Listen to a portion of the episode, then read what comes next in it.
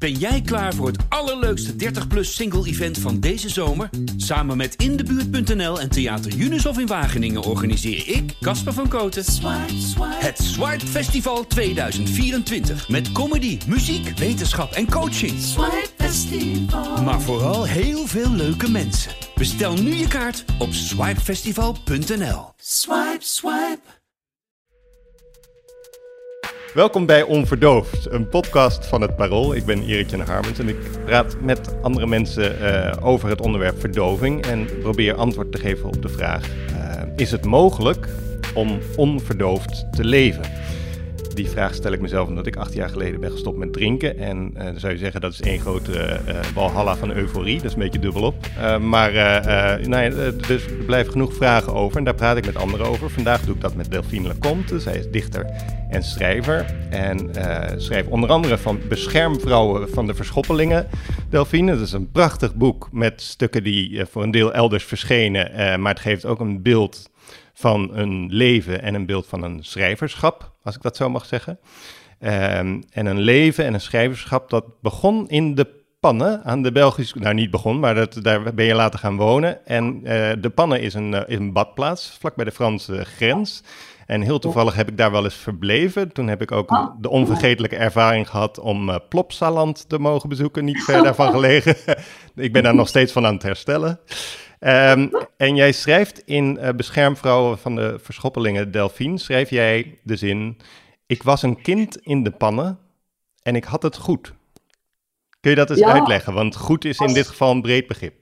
Um, ja, het was um, ja, een baldadige kindertijd met weinig ouderlijk toezicht. Um, kon in de duinen spelen. Er werd niet op mij gelet.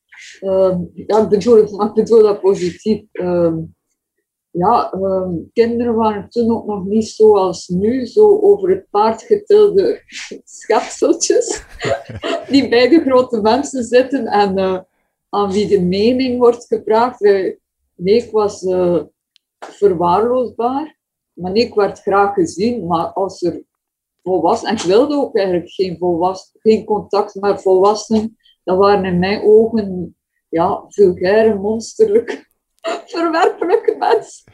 Die veel te veel dronken. Oh ja, ja.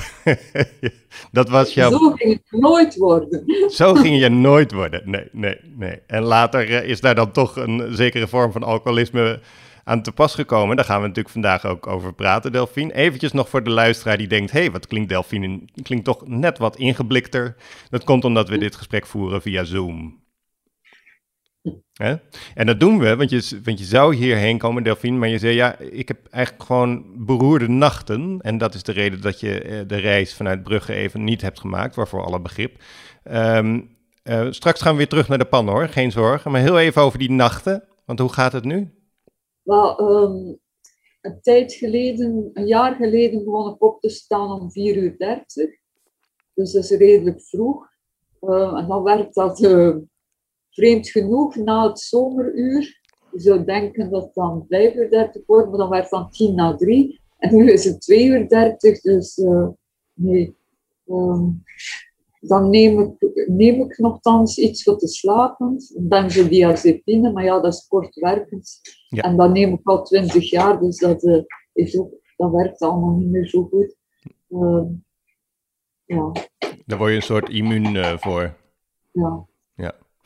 Uh, en waarom stond je eigenlijk dan oorspronkelijk op om 4 uur 30 en niet gewoon zoals alle mensen om 0700? nee, ik vond dat wel uh, zalige momenten, zo die, die rust en die stilte. Um, ik keek mijn mails dan ook nog niet, mijn telefoon lag nog niet aan. Um, ja, ik voelde dan wel een zekere sereniteit of zelfs extase. Ook een beetje ik heb dat wel ook opgezocht. Uh, zo een soort uh, randpsychose door het slaapgebrek. Ik heb eigenlijk een beetje geëxperimenteerd met opzettelijk lang opblijven of mijn dag nachtritme verstoren om in een zekere onwerkelijke, ja, bevreemdende toestand terecht te komen. Maar uh, ja, nu word ik gestraft. Nu word je gestraft. Ja, nu voelt het niet meer zo. Want als je dan, Dus- als je om 2 uur 30 wakker wordt, kan je dan niet bijvoorbeeld gewoon om 7 uur s'avonds al naar bed gaan of zo? Ja, dat, dat doe ik soms, dat probeer ik, maar ja. Ik val wel in slaap, maar drie uur later ben ik eh, meestal wakker. Ja. En wat doe je dan als je zo vroeg, als je om 2 uur 30 al wakker wordt? Wat ga je dan doen? Ga je dan wel schrijven of ga je dan wanhopen of wat gebeurt er?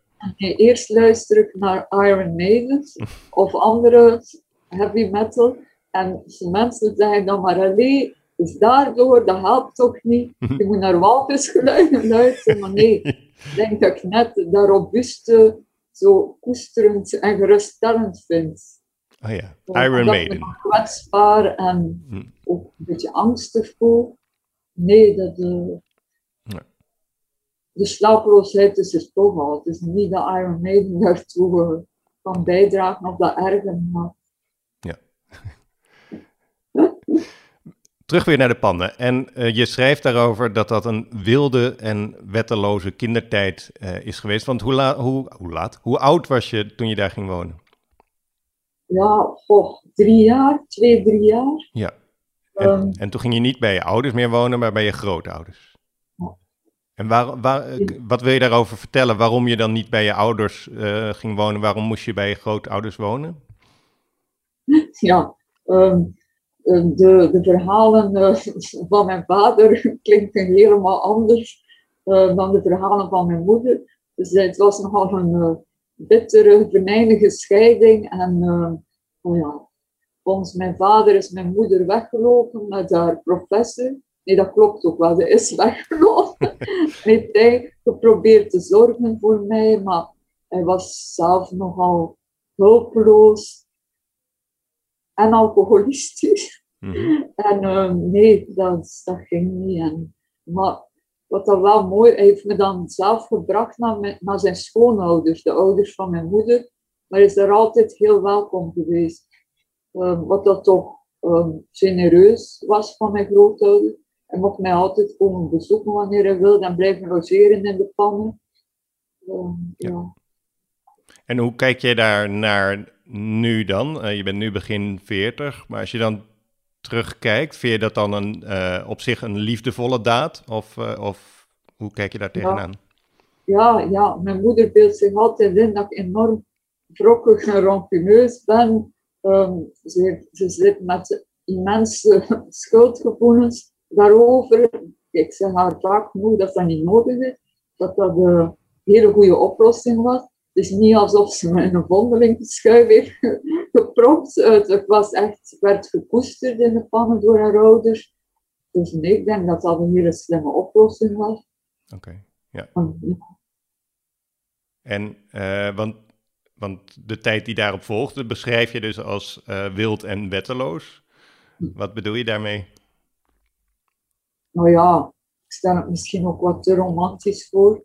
Mm, Maar ja, er veel buiten spelen, veel in de duinen. Ik was ook wel een stout kind. Al heel vroeg was ik opstandig, wilde ik spijbelen. Ehm, de school verveelde mij. Ehm, ik weet nog, zag niet weer die puzzel van de wolf en de zeven geitjes. Iedere keer bij juffrouw Nora diezelfde puzzel. En ja, dan volgde ik op de straat een zwerfpad en dan ging ik door de laantjes eh, zwerven. En ja, ik raakte ook bevriend met een Russische gravin, maar ik weet het niet. Ik maakte nu een Russische gravin, maar het was gewoon ehm, een excentrieke dame die alleen woonde. Ja. En, eh, en zat wat Dushkin. Dat klinkt toch redelijk Rus. Ja, Het zou dan ja. Dushkina moeten zijn, maar ik weet het niet. Nee. Maar daar was ik altijd welkom. En, ehm, En die woonde, daar, die woonde daar ergens in de buurt. In een villa, ja. Ja, ja, ja. Alleen. En ben je daar gewoon een keer aankomen lopen? Ja. Ja. Nog eh, mijn kousen gestopt. Ik weet dat ik toen uit de wijnkelder van mijn grootouders een magnum fles hele dure wijn had genomen om aan haar te schenken. Zo. Ja. En hoe oud Dat was jij toen? Oh, Zes jaar was ik. Ja. En toen kwam jij met een magnumfles wijn, kwam je haar bezoeken als zesjarige. Ja. Ja. werd het op prijs gesteld? Ja, ja. zodanig dat ze mijn grootouders persoonlijk ging bedanken, die nergens uh, van op de hoogte waren. Ja, zo, zo. Ja, jeetje. Mag nu fles? Ja. Nee. Ja. En, uh, en hoe ging dat? Want dan ben je zes en school verveelde je. En de puzzel van de wolf en de zeven geitjes, die kon je wel dromen. Je ging daar rondzwerven. Wat, wat waren de dingen die je toen overkwamen? Hoe liep je leven? Um, um, schreef ook wel al. Um, ja, zoals ik zeg, ook heel veel belletje trek gedaan. Hm. Ook misschien wel te snel gezocht naar koesterende volwassenen. niet zo slim achteraf bekeken.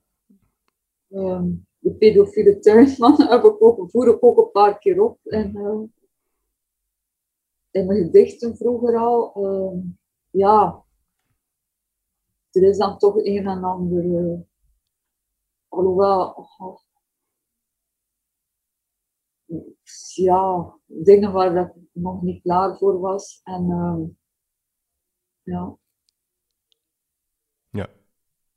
Maar je was een, een meisje dat door de pannen zwierf. En uh, dan komen er ook volwassenen die over grenzen gaan. Maar je kent die grenzen op dat moment nog helemaal niet natuurlijk. Toch? Of, of zeg, ik, zeg ik iets raars? Nee, nee, precies. Nee. Uh, ik doe wel soms stoer erover van... Ik was de kleine verleidster en dit en dat. En ja, dat is natuurlijk een manier om dat ja. Om mezelf weer de macht terug te geven. Maar, maar ja. Oh, dat vind ik wel mooi dat je dat zegt, Delphine. Want je schrijft ook over uh, ja, het beroep van hoer. En dat, je schrijft natuurlijk vrij robuust erover, om het zo te zeggen. Uh, vrij, ja, maar dat is eigenlijk een manier voor jou om iets terug te winnen, zou je kunnen zeggen. Ja, ja. En ook bang dat uh, met te veel zou overspoelen. Ja. Mocht ik echt dat verdriet toelaten. Um, ja. Maar ik weet toch dat ik en daar, daarom ook zwaar ben beginnen drinken, omdat ik dan aanvankelijk heel hard kon huilen.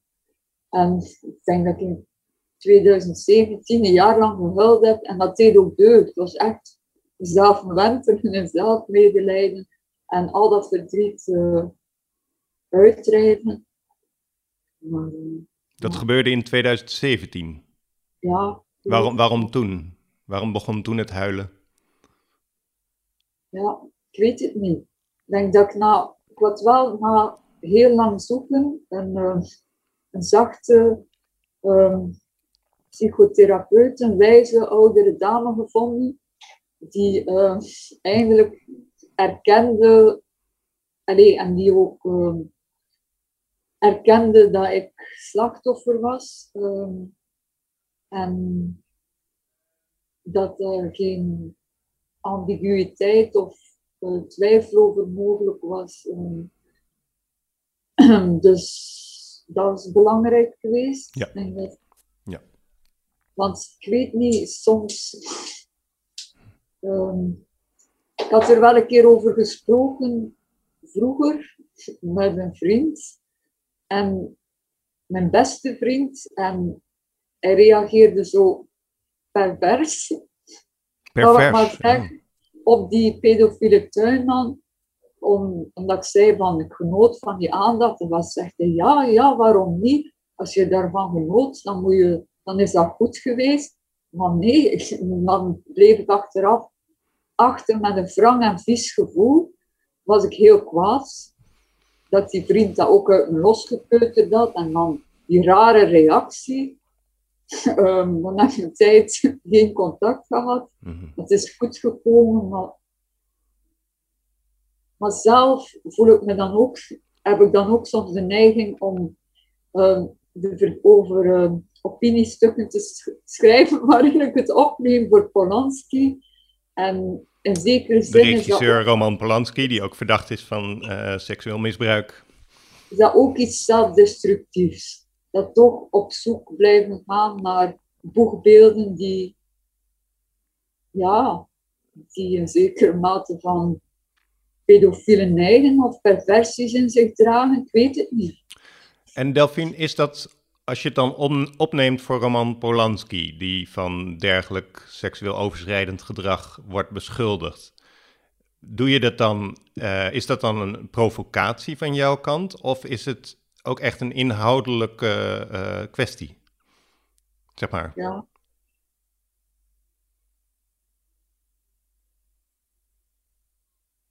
Ja, het is ook omdat ik, um, denk ik, misschien soms te hoogmoedig ben van um, kijk wat ik allemaal heb meegemaakt en toch ben ik geen slachtoffer, want ik schrijf stoer, ik schrijf zelfs over, ik neem het zelfs op voor verguisde pedofiele kunstenaars.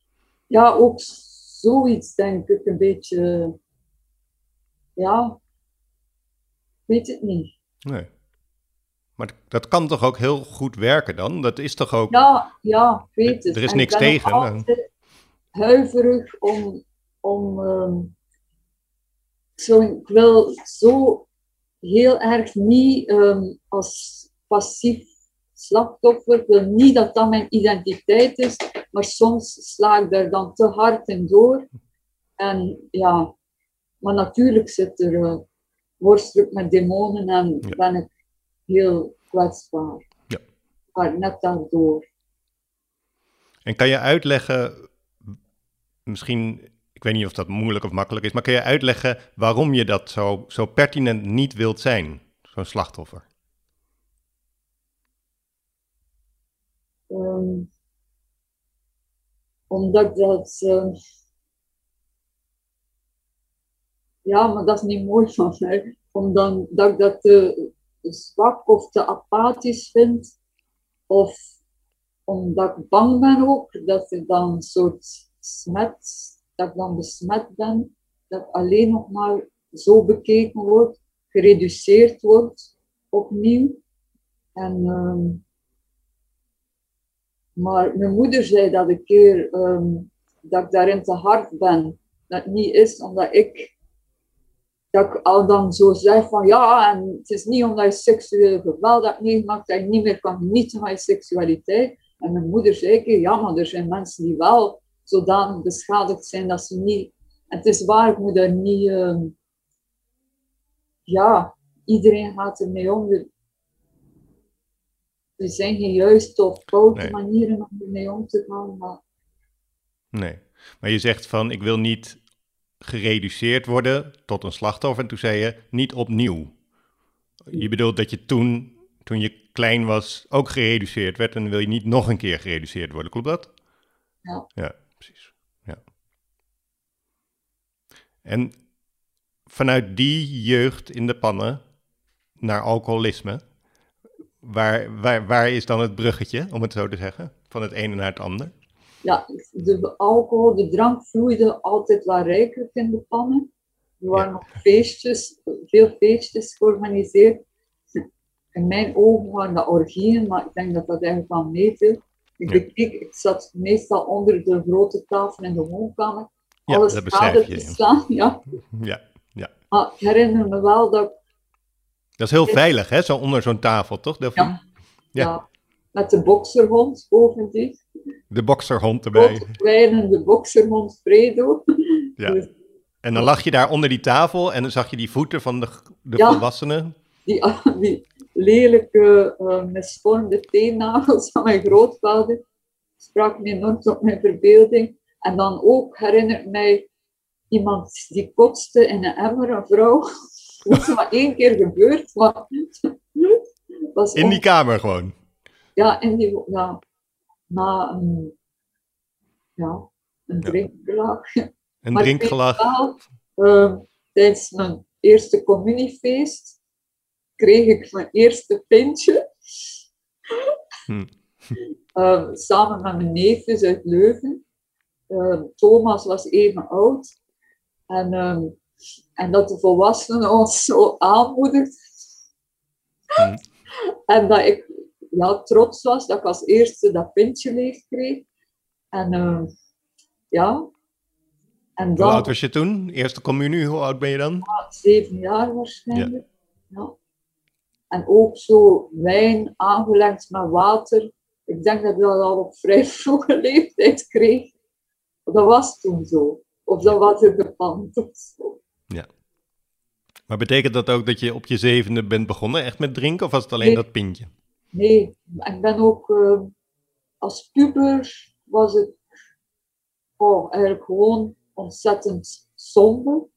Hm. Van mijn veertiende tot en met mijn zestiende sloot ik me vooral op in een slaapkamer naar Joy Division luisteren. Dat soort toestanden. Eh, maar echt experimenteren met drank of drugs, dat is pas begonnen op mijn zestiende, dus vrij laat. Ja, laat. Ja. Want ben je al die tijd wel in de pannen blijven wonen toen? Nee, nee.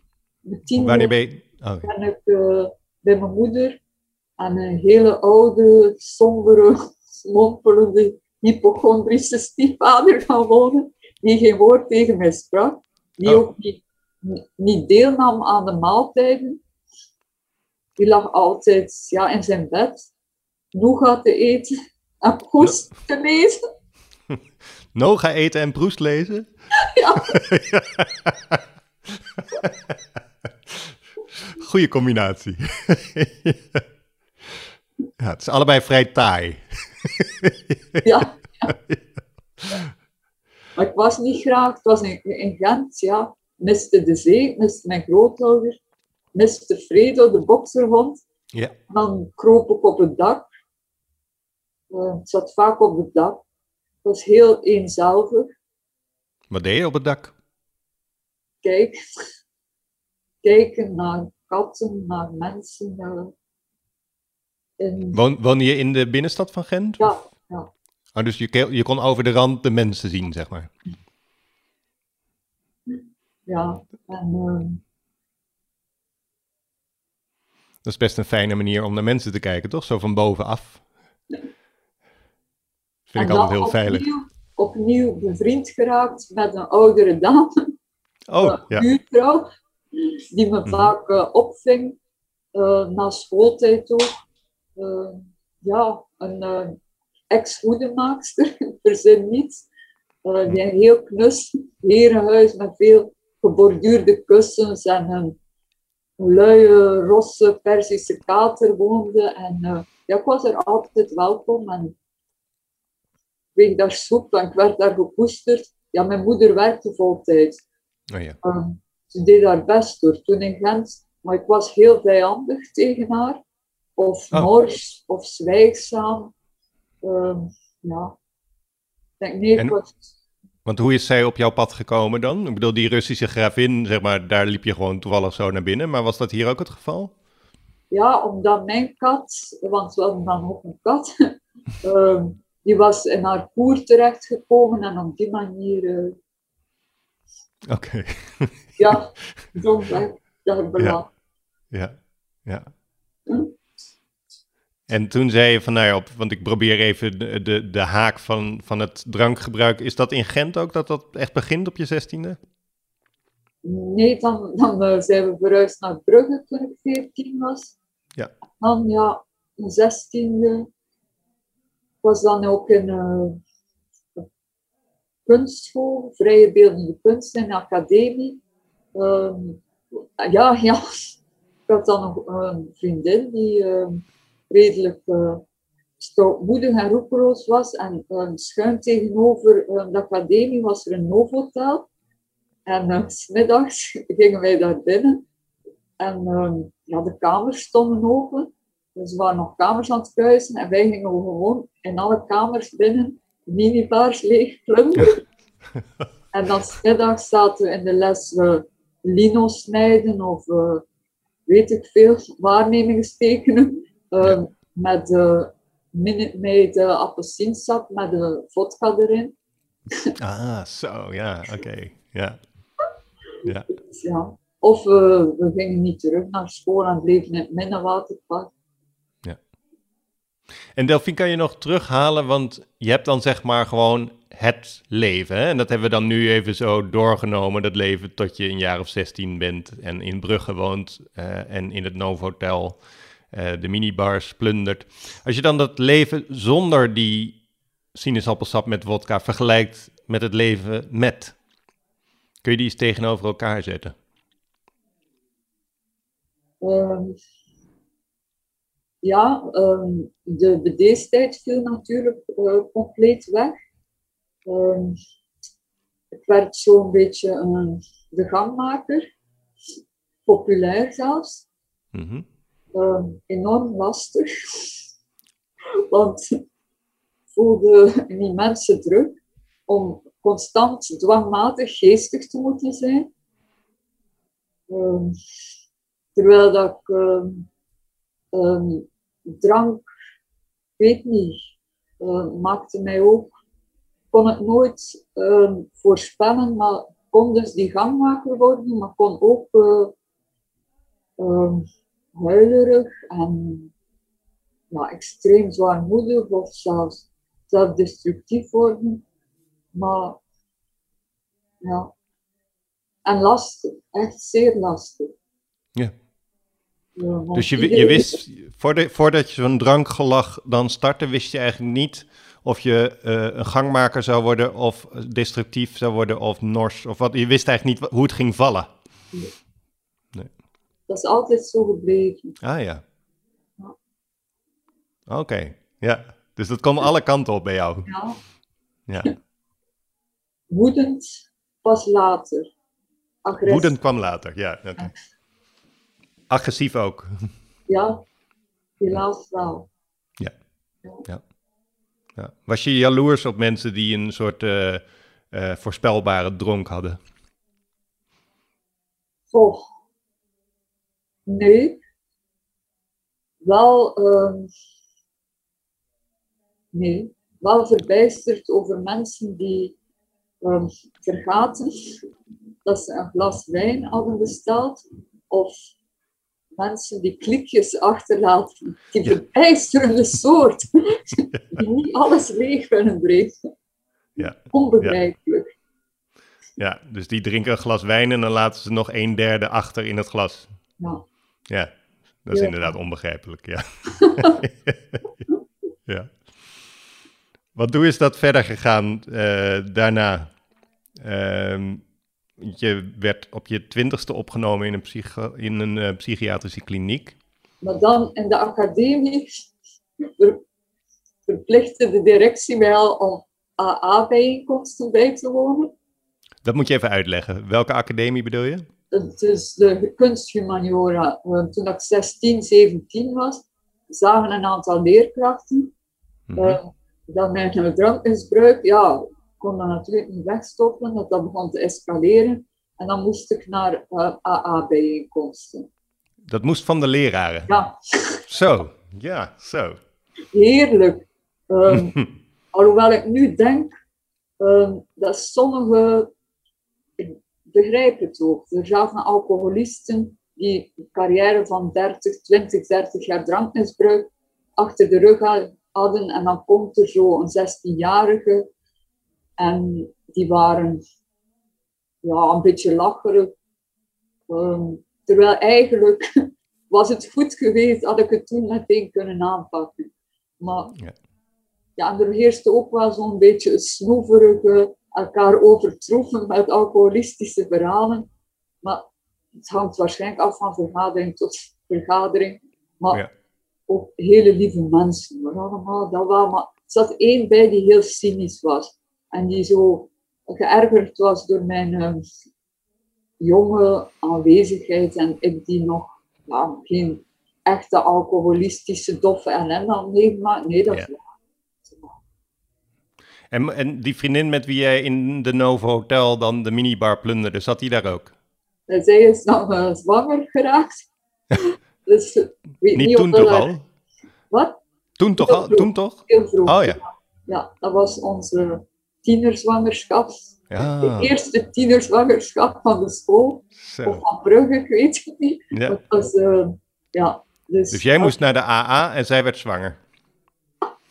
was beter ook zwanger geworden. Ja. Nee, nee, nee, nee, En hoe vaak ben je daar geweest bij die AA-sessies? Ah, toch wel lang hoor. Uh, weet en dronk, dronk je daar wel bij? Um, ja, ja, ja, nam allez, bleef wel drinken. Werd dan natuurlijk, kreeg dan telefoonnummers van mooie uh, eh, 30-jarige alcoholisten, die ik dan lastig viel. ik heb het mooi leuk, mag ik een keer komen? Nee, maar echt, nee. was niet nooit ernstig van plan toen om dat aan te pakken. Ook, was ook nog helemaal niet, niet zo erg. Het was experimenteren en ja. Ja. Maken we dan nu, uh, ik probeer gewoon een soort, even een soort route te bedenken naar, naar het nu toe, hè? Want er is, er is een opname in een kliniek ergens rond je twintigste. Ja, dus eerst ging ik in Gent vertaler tolk Frans-Russisch studeren. Ja. Dat eerste jaar verliep uitstekend. Nee, de eerste helft ehm, verliep uitstekend. Daarna ging ik niet meer naar de les. Begon ik ook te drinken. Werd ik verliefd op een Irakese schilder. Doet er allemaal niet toe. Uiteindelijk wel dat eerste jaar uh, mijn diploma behaald. Maar vanaf het tweede jaar uh, werd ik, ik weet niet, werd ik uh, rusteloos. Ging ik s'nachts rondzwerven. Raakte ik bevriend toevallig op de beestenmarkt in Gent met een, um, een Hollander die daar stond te golf spelen. Uh, midden in, midden in Gent? Te, tegen zijn muur te oefenen met een net. Het was ook een professionele golfspeler. En uh, raakte aan de praat met hem. vroeg Wacht even, ik ga je heel even pauzeren, Delphine, want jij bent iemand die zo wonderlijk kan praten, dat ik soms dat ik denk van het is goed voor de luisteraar om dit heel even te zetten, dit moment. Dus jij loopt door de binnenstad van Gent. Het is al laat. Hè? Het is laat op de avond. En er staat op een plein tegen een muur, daar hangt een net. En er staat een professioneel golfspeler, staat daar golfoefeningen te doen. En dat is een Hollander. En die kom jij daar tegen. Zo is het toch? Ja, we raken aan de praat. Hij is heel sympathiek. Ehm, hij roept me binnen. Hij stelt me voor aan zijn, ehm, aan zijn vriend. Een bloedmooie kernfysicus. Ja. Um, we spelen wat op de flipperkast, drinken nog wat. Ik val in slaap op de sofa. De volgende ochtend zegt die golfspeler, mijn caddy heeft zich ziek gemeld. Ik moet naar de koninklijke golfbaan van de Haan. Wil jij vandaag mijn caddy zijn? Echt, ik met een helse kater, immense afstanden afleggen met zo tussen snobistisch volk. Ik voelde ook meteen dat die golfspeler ja, niet populair was en ook waarschijnlijk, ik weet niet. En ik, ja, ik stoorde de andere golfspelers, er waren rituelen die ik niet kende, ik wist niet wanneer ik stil moest zijn. Dus ik moest zijn, ik had vooral een enorme kater, het was september, het was heel heet. Hm. En, uh, maar na die dag ben ik nog naar een avondles Russisch geweest. Ik weet nog dat we, omdat ik verliefd was op die Russische leerkracht, een vrouw, een keizerlijke, statige, hele intelligente dame, heel, um, heel waardig. Um, we mochten het tweede jaar, we moesten Jip en Janneke een kort verhaal naar het Russisch vertalen. Mm um, maar ja, ik, ik had toen al voor die les vodka gedronken en, en ook, ja. Ik had ook mijn Russisch toen al een paar weken verwaarloosd. In de vakantie ook weinig naar gekeken, dus het ging niet meer. En, uh, werd ook had, je, had je wel een soort vastomlijnde droom dat je dacht, ik ga vertaalster worden? Of tolk? Ja, maar toen voelde ik al dat het aan het wegglippen was. In het tweede jaar ik ook heel angstig. Uh, kon niet meer eten, durfde niet meer in een douchecel. Uh, ging weer te veel experimenteren met de promiscue toestanden die mij geen deugd deden. En ja, en dan, dan rondzwerven, waardoor ik echt op een duur uitgeput was. En dan mijn ex-vriendje in Knokken ruzie gemaakt eerst. Dan had hij me opgesloten in zijn zolderkamer, maar ik kreeg een paniekaanval. Dan ben ik langs de goot toch naar beneden geklauterd. En dan ook weer gedronken natuurlijk, ineengestort op straat. En mensen hebben dan een ambulance gebeld. En dan werd ik wakker. Ja, in Knokken op, op een uh, psychiatrische dienst. Oh ja. Ik heb ook wel eens meegemaakt dat ik bijvoorbeeld wakker werd op de pont. Weet je, zo'n bootje, zo'n pont tussen, tussen uh, Amsterdam Centraal Station en Amsterdam Noord. En toen werd ik wakker op de grond van die pont. En toen keek ik zo omhoog en dan zag ik mensen naar me kijken terwijl ik zo op de, op de vloer van die pont lag, van dat bootje. Uh, ik zeg dat even omdat ik daar ook bij was. Weet je, ik was zwaar onder invloed, beneveld, maar ik was er ook bij. Ja. En als jij dit schetst van je was opgesloten door je ex-vriendje op de zolderkamer, je klauterde langs de reling naar beneden en werd uiteindelijk op straat gevonden en, opge en, en met een ambulance vervoerd. Was je daarbij? Ja, ja.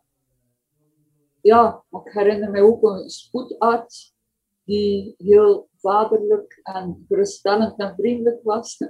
En de nachtverpleegster Catharina, de engelachtige, mollige Catharina met de blonde krulletjes, dat herinnert me nog.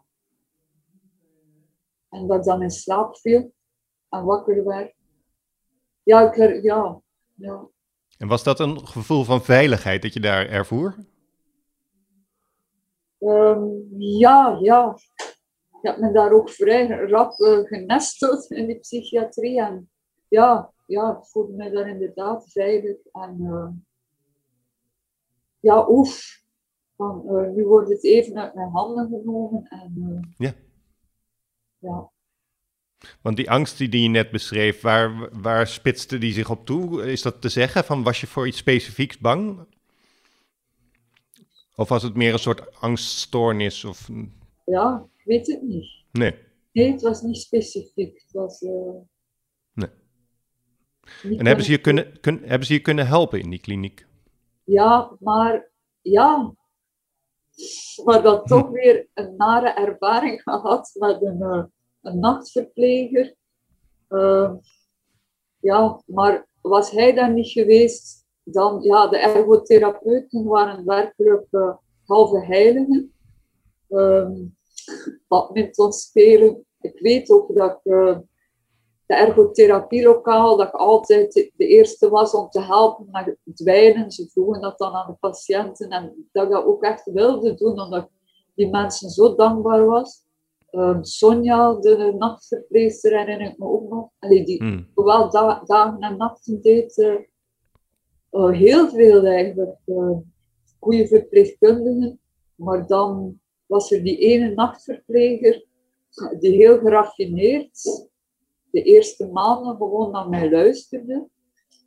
Naar mijn uh, droevige, naargeestige verhalen over uh, seksueel misbruik. En dan, ja, ik weet niet, blijkbaar won hem dat op.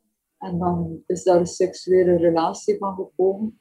Ja. In de isolatiecel of in een kamer die leeg was. Um, dat ben ik heel frank, heel, daar ben ik heel bitter over geweest. Ook omdat ik dat na mijn ontslag um, heb ik dat dan aangekaart bij de hoofdpsychiater. En die werd echt kwaad op mij. En um, ja, maar die nachtverpleger was ondertussen al naar, uh, wel, werkte niet meer op zijn afdeling, was naar de jeugdpsychiatrie. Oh, top. Ja, ja. ja, ja fijn. Uh, en, maar... en waarom, werd, waarom werd die directeur boos op jou? Ja, ik denk, het was zoals veel psychiaters. Yeah. Een grote mm. ijdeltuit. En mm. ik denk dat hij bang was voor de schade uh, die dat zou kunnen aanrichten aan het prestige van zijn afdeling. Ja, ja. Hij wilde geen schandalen. Hmm. Zoiets. Maar toen ik vroeg van, heeft het geholpen, die kliniek? Ja, ik bedoel, je kreeg dus een gevoel van veiligheid, maar er was ook een nachtportier die dan toch ook weer over, die dan weer uh, seksueel overschrijdend gedrag, gewoon seksueel misbruik pleegde. Laten we het maar gewoon noemen zoals het is. Um, dus dat is ook weer niet veilig. nee. nee.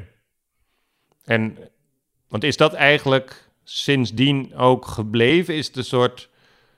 Ben je sindsdien eigenlijk op zoek gegaan naar veiligheid? Ja. Tot aan nu? Ja. Um, te veel. Allee, te veel, ja. Ja. Oh ja. Hm. Ja, ik heb, uh, um, hang nu heel erg aan. Uh, ja, ik zoek altijd iemand die een baken kan zijn. Um, en um, ook heel voorzichtig, ja, argwanend geworden. Um,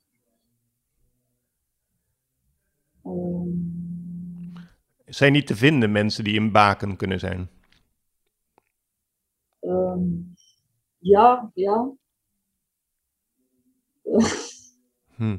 De, de oude kruisboogschutter was lange tijd een baken. De oude kruisboogschutter, ja, want je geeft mannen uh, liederlijke namen. Hè? De oude kruisboogschutter, dat was een baken.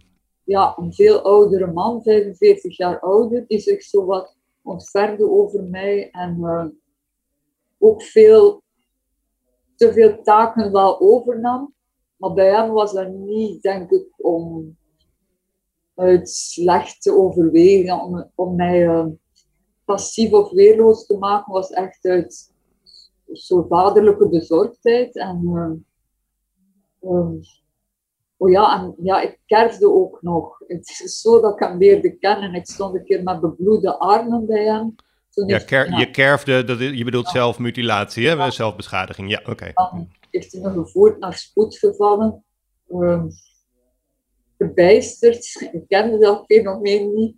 Uh, ja. ja. Maar, um, en, maar ik heb ook wel um, te rap de neiging om me vast te klampen um, aan mensen en te eisen dat ze voor mij zorgen uh, wanneer ik ontredderd ben en ook alles laten vallen. Uh, en dan kinderachtig woedend als ze tekort schieten. Hm. Of als blijkt dat ze het wagen om nog een leven en vriendschappen naast mij te hebben. Ja, dat de tyrannieke heb ik dan ook. Um, maar um, Tommy Wieringa, en ik zeg het niet omdat hij nu een bekende schrijver is, maar hij is wel zo een baken geweest en die ook de wijsheid had um, en om dat op een uh, verstandige manier, die ook wel af en toe kon zeggen, nu vanavond stop met de WhatsApp-berichten, morgen ben ik er weer. het is niet dramatisch dat ik nu even een aantal uren geen aandacht aan je geven. Hmm. Uh, mijn gezin wil ook eens eten zonder de constante ja. belediging. Aanvaard je dat dan wel, Delphine, op zo'n moment? Als, als, als Tommy zegt, nu ga ik even eten? Ja, omdat ik wel voelde bij hem uh, dat hij stabiel en betrouwbaar was en dat het niet betekende, dat geen complete afwijzing betekende, dat hij me niet uh, voor goed uit zijn leven verbanden. Ja, van hem kon ik dat aanvaarden. Ja, en jullie kennen elkaar van een gezamenlijke tour, hè? Eh, een literaire tour door, uh, door België en Nederland. Ja. Um, van Behoud de Begeerte, die organisatie. En want ik vind het wel mooi dat je dat zegt van uh, op het moment dat Tommy Wieringa op dat moment zegt, nou Delphine, we stoppen even met WhatsApp, ik ga even naar mijn gezin toe. Uh, maar dat betekent, en, en de manier waarop hij dat zegt, daardoor krijg jij zeg maar de verzekering dat het niet een afwijzing is, maar dat hij gewoon zegt: Ik ga nu even iets anders doen. Kan dat dus ook niet een beetje aan de anderen hebben gelegen? Snap je wat ik bedoel? Ik probeer het, ik ga, het even, ik ga jou even beschermen nu, als, als je dat goed vindt. Door te zeggen, als mensen tegen jou zeggen, nou Delphine, uh, ik wijs je niet af, maar ik ga gewoon wat anders doen, dan is het voor jou acceptabel. Ja. Maar als mensen gewoon zomaar weglopen, dan slaat de angst toe. Dat zou kunnen, hè? Mhm. Ja. Ja. Um, ja, dat is, dat is um, slim gezien zo. Ja. Um,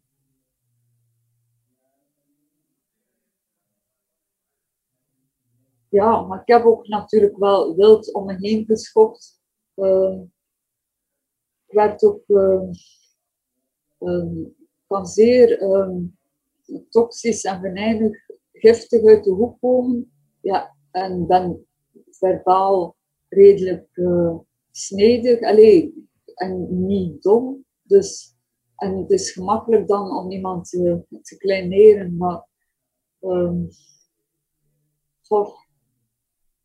ja, want ik weet, mijn beste vriendin, um, Lara, werkte, werkt nog steeds als hoofdverpleegster op een, um, een psychiatrische afdeling. En nu een jaar geleden was ik daar drie weken opgenomen, omdat toen heel acuut was met alcoholmisbruik. Echt afschuwelijk. Ochtends drinken, constant ontwennen, drinken, ontwennen, drinken. En zij heeft geregeld dat tijdens corona toen al uh, vrijwel meteen daar kon opgenomen zijn. Ze heeft hemel en aarde bewogen. Ze heeft gezegd tegen haar team, dit is een hele speciale patiënt waar we extra goed voor moeten zorgen. Het eerste wat ik doe, uh, wanneer ik een beetje ontwend ben, uh, zijn heb gekregen en infuus, is um, een vlammend betoog schrijven tegen de Belgische psychiatrie. Uh, Humo publiceert dat met uh, groot plezier. Het is duidelijk dat het over die afdeling gaat. Beschrijft de afdeling, beschrijft de psychiater. Dus Lara razend, enorm gekwetst. Um, heel de afdeling, um, een deel kwaad, een deel ook echt geëmotioneerd. Terwijl voor mij was dat gewoon half voet, fuck you, uh, uh, iets geestig om te doen, iets baldadigs, iets brutaals. Um, maar zag jouw vriendin dat als een vorm van verraad? Ja, ze was er heel Zij identificeert zich echt met die afdeling. Ze heeft nooit ergens anders gewerkt. Ze heeft daar haar stage gedaan als student en daar altijd op die afdeling blijven werken. Ja. Die psychiater, die eigenlijk helemaal, die eigenlijk eerder een slimme en een hmm. humoristische, zachtmoedige man was, uh, is haar grote idool. Hij was overigens de enige die het met een zekere berusting en humor kon bekijken. Maar ja, hij werkt daar ook. Maar snapte je haar, uh, want zij had dus helemaal een aarde bewogen om jou daar te kunnen krijgen. En vervolgens schreef jij zo'n stuk. Ja, ja ik, ik, snapte heel goed. Uh, wel, eerst niet. Uh, ja, ja, natuurlijk, uiteindelijk wel uh, na mijn opname. Allee, wanneer de drank dan volledig uit mijn systeem was, ja. dacht ik, oh jezus, natuurlijk, hoe ontzettend ondankbaar en volstrekt onnodig was dat. Ja, ja oké. Ja. Want wanneer was die laatste opname, Delphine, in die, uh, in die kliniek? 15 juni. Oh ja. Stop. De dag dus dat... dat ik gestopt ben, ja. ja. Toen ben je gestopt, bijna een jaar geleden, ja. En toen ik jou vroeg voor deze uh, podcast en uh, uh, je we dus besloot om het via Zoom te doen, toen zei je van, nou, ik heb slaapproblemen. Daar hadden we het in het begin van het gesprek over. Maar je zei ook, ik weet ook gewoon niet of ik onverdoofd wil leven. Nu weet ik het opnieuw wel. Oh, maar dit was eergisteren, hè? Of gisteren? Ja, gisteren was dit. Gisteren... gisteren wist je het niet? Nee, uh, gisteren had ik plots enorm veel zin om te drinken. Echt van 1 uur 30 tot 3 uur 30 heb ik zitten staren naar pintjes in de ijskast, aangeraakt, opgetild, teruggezet. En dan, ja, het is melig. Um, ik lees dan soms zo um, sites van mensen die ook ontwennen Reddit heeft er zo'n aantal. Mhm. En dan was, ja, um, stel het uit.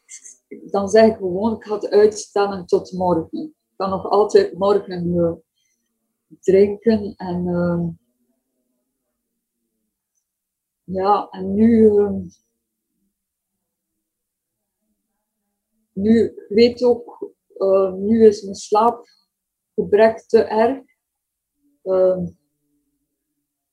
ja, ik zou inslapen, maar uiteindelijk is alcohol niet uh, positief voor, voor echt een weldadige slaap. Dus nee. En nee, vandaag is er 0,0 verleiding.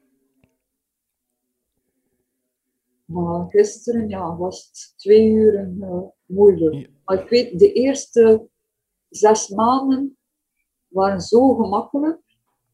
Uh, de eerste zes, zeven maanden zelfs. Um, dat ik ook zelfs arrogant was. Zo van, wat doen al die mensen zo um, trots over dat het moeilijk is om alcohol te overwinnen en nuchter te blijven. Dus zo gemakkelijk. En uh, ja, alles was nog nieuw.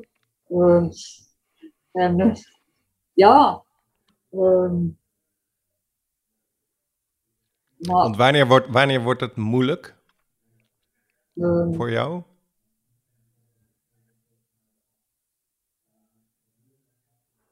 Ja. Oh smiddags altijd zo rond 1 uur 30. Um, of ook nog vaak wanneer ik mensen uh, zie drinken in televisieprogramma's.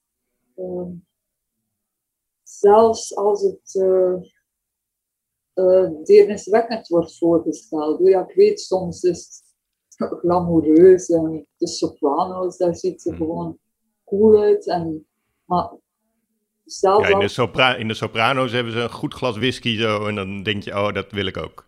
Dat is logisch. Maar je bedoelt ja. deerniswekkend. Dus ook als iemand zich helemaal naar de tering drinkt. Als lief in Las Vegas, dan denk ik, ja, dat suicidale, dat zieke, dat had toch ook iets. Maar echt niet. Waarom, waarom zeg ik dat tegen mezelf? Het, het, um, nou, ik herken dat heel erg hoor. Ja, ik, had, ik had het ook heel erg bij Leaving Las Vegas. Dat is een man die zich dooddringt. En uh, hij vindt een geliefde en dan zegt hij tegen van... ik vind alles goed, we blijven bij elkaar... als je me maar niet tegenhoudt in mijn dooddrinken, zeg maar. En dat, daar stemt ze in toe. Maar ik begreep dat eigenlijk helemaal. En dat vond ik zelf nogal schrikbarend. Ja, dat ik dan dacht van ja, dit is een hele logische manier van doen. Ja. Ik ben er ook nostalgisch over. Zelfs over die die hair of the dog, wat dat afschuwelijk is, s ochtends, en je voelt van oef, gaat niet lukken. Gaat te wat is de hair of the dog? Wat is dat, Delphine, de hair of the dog? Je voelt na een nacht of een avond excessief te hebben gedronken, dat je al begint ontwenningsverschijnselen te krijgen, te zweten, dat je tong te dik in je mond ligt, dat je, ja, ik weet nog dat ik een keer probeerde boodschappen te doen, naar de supermarkt te gaan om 9 uur s ochtends, na 50 meter moest ik terugkeren. Nee, dit gaat niet lukken zonder een blonde Westmalen eerst in mijn keel te gieten. Wat? ja. Nee, op het einde werd het echt uh, een constante stroom van boksen wijn en wakker worden. Ja. Vermoud, inslagen, blonde Westmalen, opstaan. Ja, was en kan jij uitleggen aan de luisteraar die dan nu denkt van nou, uh, dan stop je daar toch gewoon mee, want dat is veel beter. Wat is daar de aantrekkelijkheid toch van, van dat verdoofde bestaan?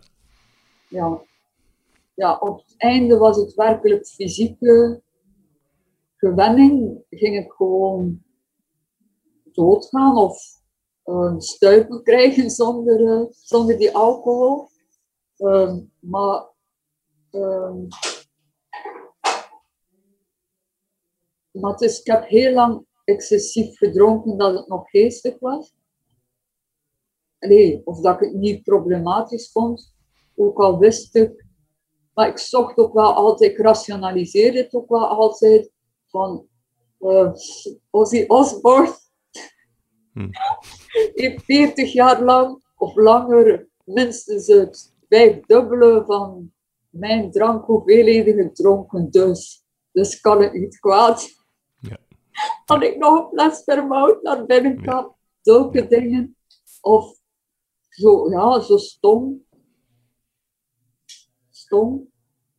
Ehm, maar je zei ook bijvoorbeeld ergens van dat, het, dat drank voor jou ook wel een voorwaarde was voor schrijven. Hè, om, mhm. om, om een zekere megalomanie op te wekken. Ja, wel. Ja. hè, om, om groter te worden eigenlijk. Door drank word je groter en kun je schrijven. Ja, terwijl nu denk ik, ja, ik voel me inderdaad vaak um, grandioos en geniaal. Maar die gedichten waren niet alle, zeker niet allemaal um, abominabel en belabberd. Maar ik was wel heel rap tevreden hm. over, over mijn gedichten, heel gemakzuchtig. die proza had ik nooit kunnen schrijven uh, met de drank. Um, de gedichten waren ideaal, want uh, gedichten mogen zo'n beetje um, raar en moeten niet kloppen. Dus dat viel uitstekend combineren met een alcoholverslaving. Maar toch, ik weet niet, uh, ik denk ja, het is zo'n gigantisch cliché, schrijvers en drank. Uh, ja, natuurlijk, schrijvers bestaan.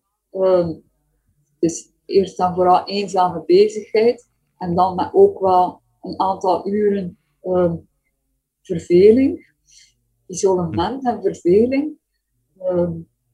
Dus, maar of het mijn schrijven echt geholpen heeft, nee, denk ik niet. Nee. Gisteren zat je dan nog voor je, voor je koelkast de pintjes die daarin lagen te bekijken en te betasten. Waarom liggen daar trouwens pintjes in je koelkast? Moeten die daar niet weg? Het is de koelkast van de voormalige vrachtwagenchauffeur. Ook een personage uit jouw leven, de voormalige vrachtwagenchauffeur. Ja. En geliefde Frank. Ja. Die ja. graag drinkt, maar ja. nooit, is dat niet... met, nooit met drama's. Nee. Hij kan stoppen. Hij kan stoppen, ja. En eten en naar bed gaan. Ja. Ik kon niet stoppen. Ik stond altijd opnieuw op en dan als berichten zenden. Wat? Naar, um, van ik ga zelfmoord plegen. Naar mijn ganse um, WhatsApp, naar al mijn contactpersonen.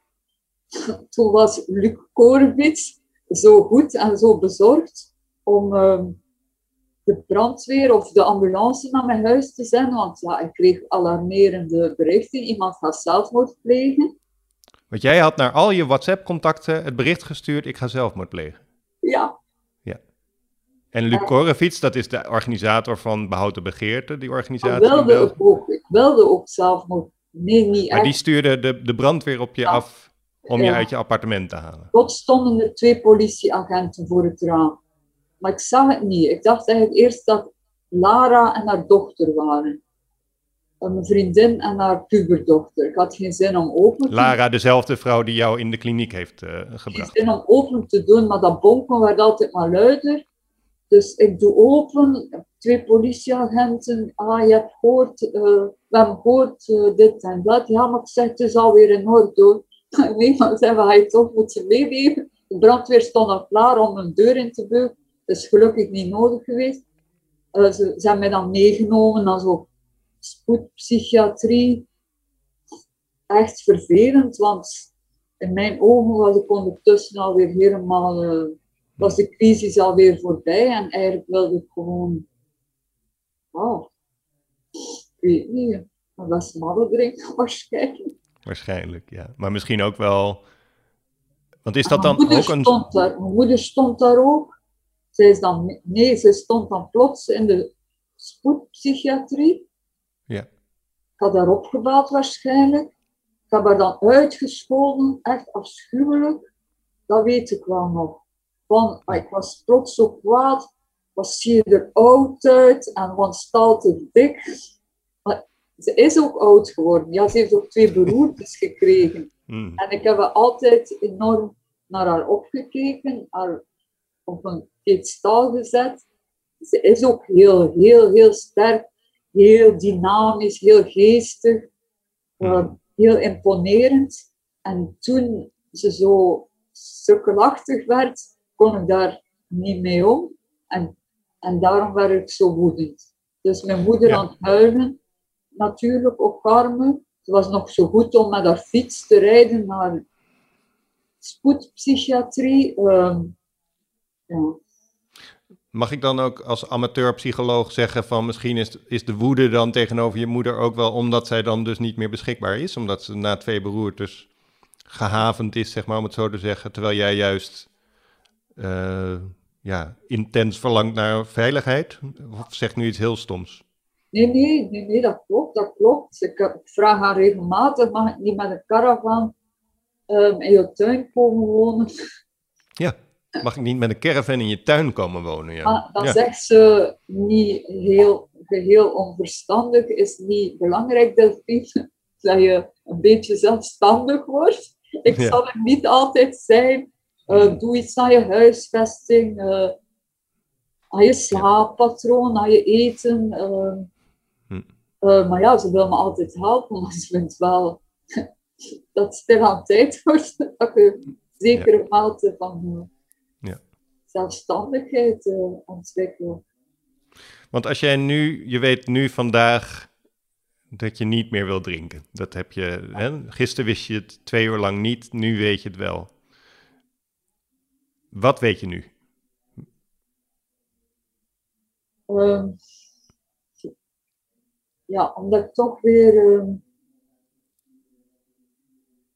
denk dat ik um, misschien de grootste schrik heb dat ik iets echt onherstelbaar, iets misdadigs zou doen. Dat ik heel agressief werd op het einde van mijn drankmisbruik. Ik heb ook mensen geslagen en geschopt. Uh, ik heb ook letterlijk ettelijke keren tegen mijn vriend gezegd: had ik een geweer, dan leefden jullie niet meer. En waarschijnlijk had ik toen toegang gehad of uh, ik weet het niet, hè? Ik weet het niet. Ik weet dat we Nee. ook niet gezegd hebben. Dat weet ik ook niet zeker. Maar Ben je er bang voor? ja, heel bang. En is dat de reden, de belangrijkste reden? Er zijn natuurlijk altijd meerdere redenen, maar is dat een van de belangrijkste redenen waarom je niet meer wil drinken? Ja, ja. Zodat je anderen En- geen kwaad en- doet. En de angst, natuurlijk ook de ang- angst voor Korsakoff. Ehm, en die ontwenningsverschijnselen die op een duur zo afschuwelijk waren. Ehm, ja, kokhalzend moeten drinken om het min of meer normaal te voelen, maar ja, nee. Kan je wel dichten nu? Kan je gedichten schrijven in nuchtere staat? Ja, Oké, dus daar hoef je je niet meer groter voor te maken. Nee, nee, het lukt, het lukt. eh, Ja. ja, stroever, ik weet het zelfs niet. Anders, wellicht, eh, misschien trager, minder impulsief, bedachtzamer, maar ja, dat is, dat is daarom niet slecht. Nee. Eh, ik kan nog altijd, ik heb nog altijd een zekere mate van eh eh, megalomanie en eh, ja, eh, mezelf overschatten, eh, dat zit er nog altijd wel een beetje in. Eh, Ja. en, en ook de keerzijde, hoor. Alles wat ik doe, eh, compleet afschuwelijk en, en corrupt en cynisch en waardeloos vinden dat ook. Dat, Ja. Nooit iets in het midden. Jawel, af en toe wel. Ja. Af en toe wel. Daar heb dit? ik- dat vond ik het moeilijkste. Dat, eh, dat alles zo gelijkmoediger werd. Ja, Er waren eh, geen crisissen en geen drama's meer, maar die crisissen en drama's hadden ook iets eh, woest en dynamisch. Eh, Er, er gebeurde altijd iets. Nu is het zo wow, suf, zo dor en dof en lamlendig, zo normale, saaie, kabbelende leven. Ja. Gezapigheid. Ja. Dat, dus- dat herken ik en dat snap ik. Ja. En tegelijkertijd denk ik van, je hebt natuurlijk als kind door de pannen gezworven. Je hebt later op je, ja, op je vijftiende eh, door Gent gezworven, op het dak gezeten. En nu ben je misschien gewoon... Ben je nog steeds aan het zwerven of ben je een beetje thuis aan het komen? Ja, ik vind dat beeld heel mooi van dat je eigenlijk in, in de caravan bij je moeder in de tuin wil wonen. Dat vind ik heel ontroerend. Dat is heel veilig voelt dat. Ik heb nog altijd wel een beetje zo dat rusteloze, nomadische in mij. Ja. Ik ben helemaal niet graag thuis. Oh nee. Nee. Uh, ja. En ja, het is moeilijk om die onrust uit te schakelen. Ja. Hoe vond je dit gesprek? Hoe vond je het om met mij hierover te praten zo? Dat, uh, ja, uh, heel, heel aangenaam. Nee, ja, maar nee, het is waar. Uh, want um, ik heb, omdat je weet, omdat je weet wat het is, uh, is een verhaal dat wat kan vertellen aan mensen die het niet hebben meegemaakt, maar ja, ze zijn dan verbijsterd of reageren moralistisch of rationeel, begrijpen niet, zelfs die nostalgie naar het ziekelijke, naar de morsigheid, het lief in Las Vegas aspect, dat krijg je niet uitgelegd aan iemand die, nee. die dat niet heeft meegemaakt. Nee, maar ook dat beeld van jou voor die koelkast heb ik echt, ik, ik heb het zelf gehad dat ik op een gegeven moment door omstandigheden in een staakerven woonde. In zo'n, in zo'n, dat kennen jullie ook, dat begrip, een staakerven, een trailer, zeg maar.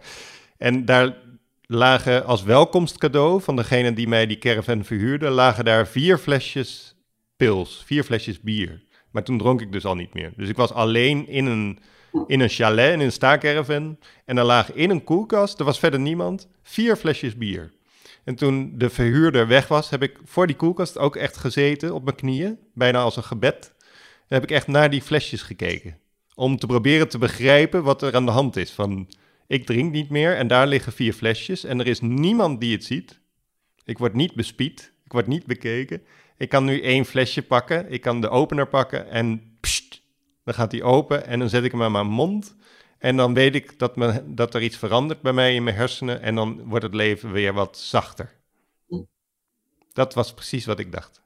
Ja, ja begrijp het. En dat dan niet doen, dat is, niet, uh, een, dat is geen heroïsme of zo, dat is geen heldendaad, maar wel een besluit. Denk ik. Ja, ja, ja. ja. En wat jij gisteren hebt gedaan voor die koelkast en dat, vooral dat kijken, maar ook het betasten van die flesjes, is ook gewoon jouw besluit gisteren geweest. En daar hoef je geen medaille voor, maar het is wel een keuze. Ik weet, ik had voor kerst een cadeaubon van de HEMA gekregen. Ik zei, de eerste zeven maanden deed ik mijn boodschappen en ik liep voorbij de drank. De voorbij, het interesseerde mij niet, was helemaal niet aangetrokken. Maar toen, na acht maanden, ging die HEMA binnen. Ik heb daar een uur met een cadeaubon bij de roséwijn gestaan. Ja. En uh, ja. ja. Ja, opnieuw optellen, kijken, teruggezet. Ja.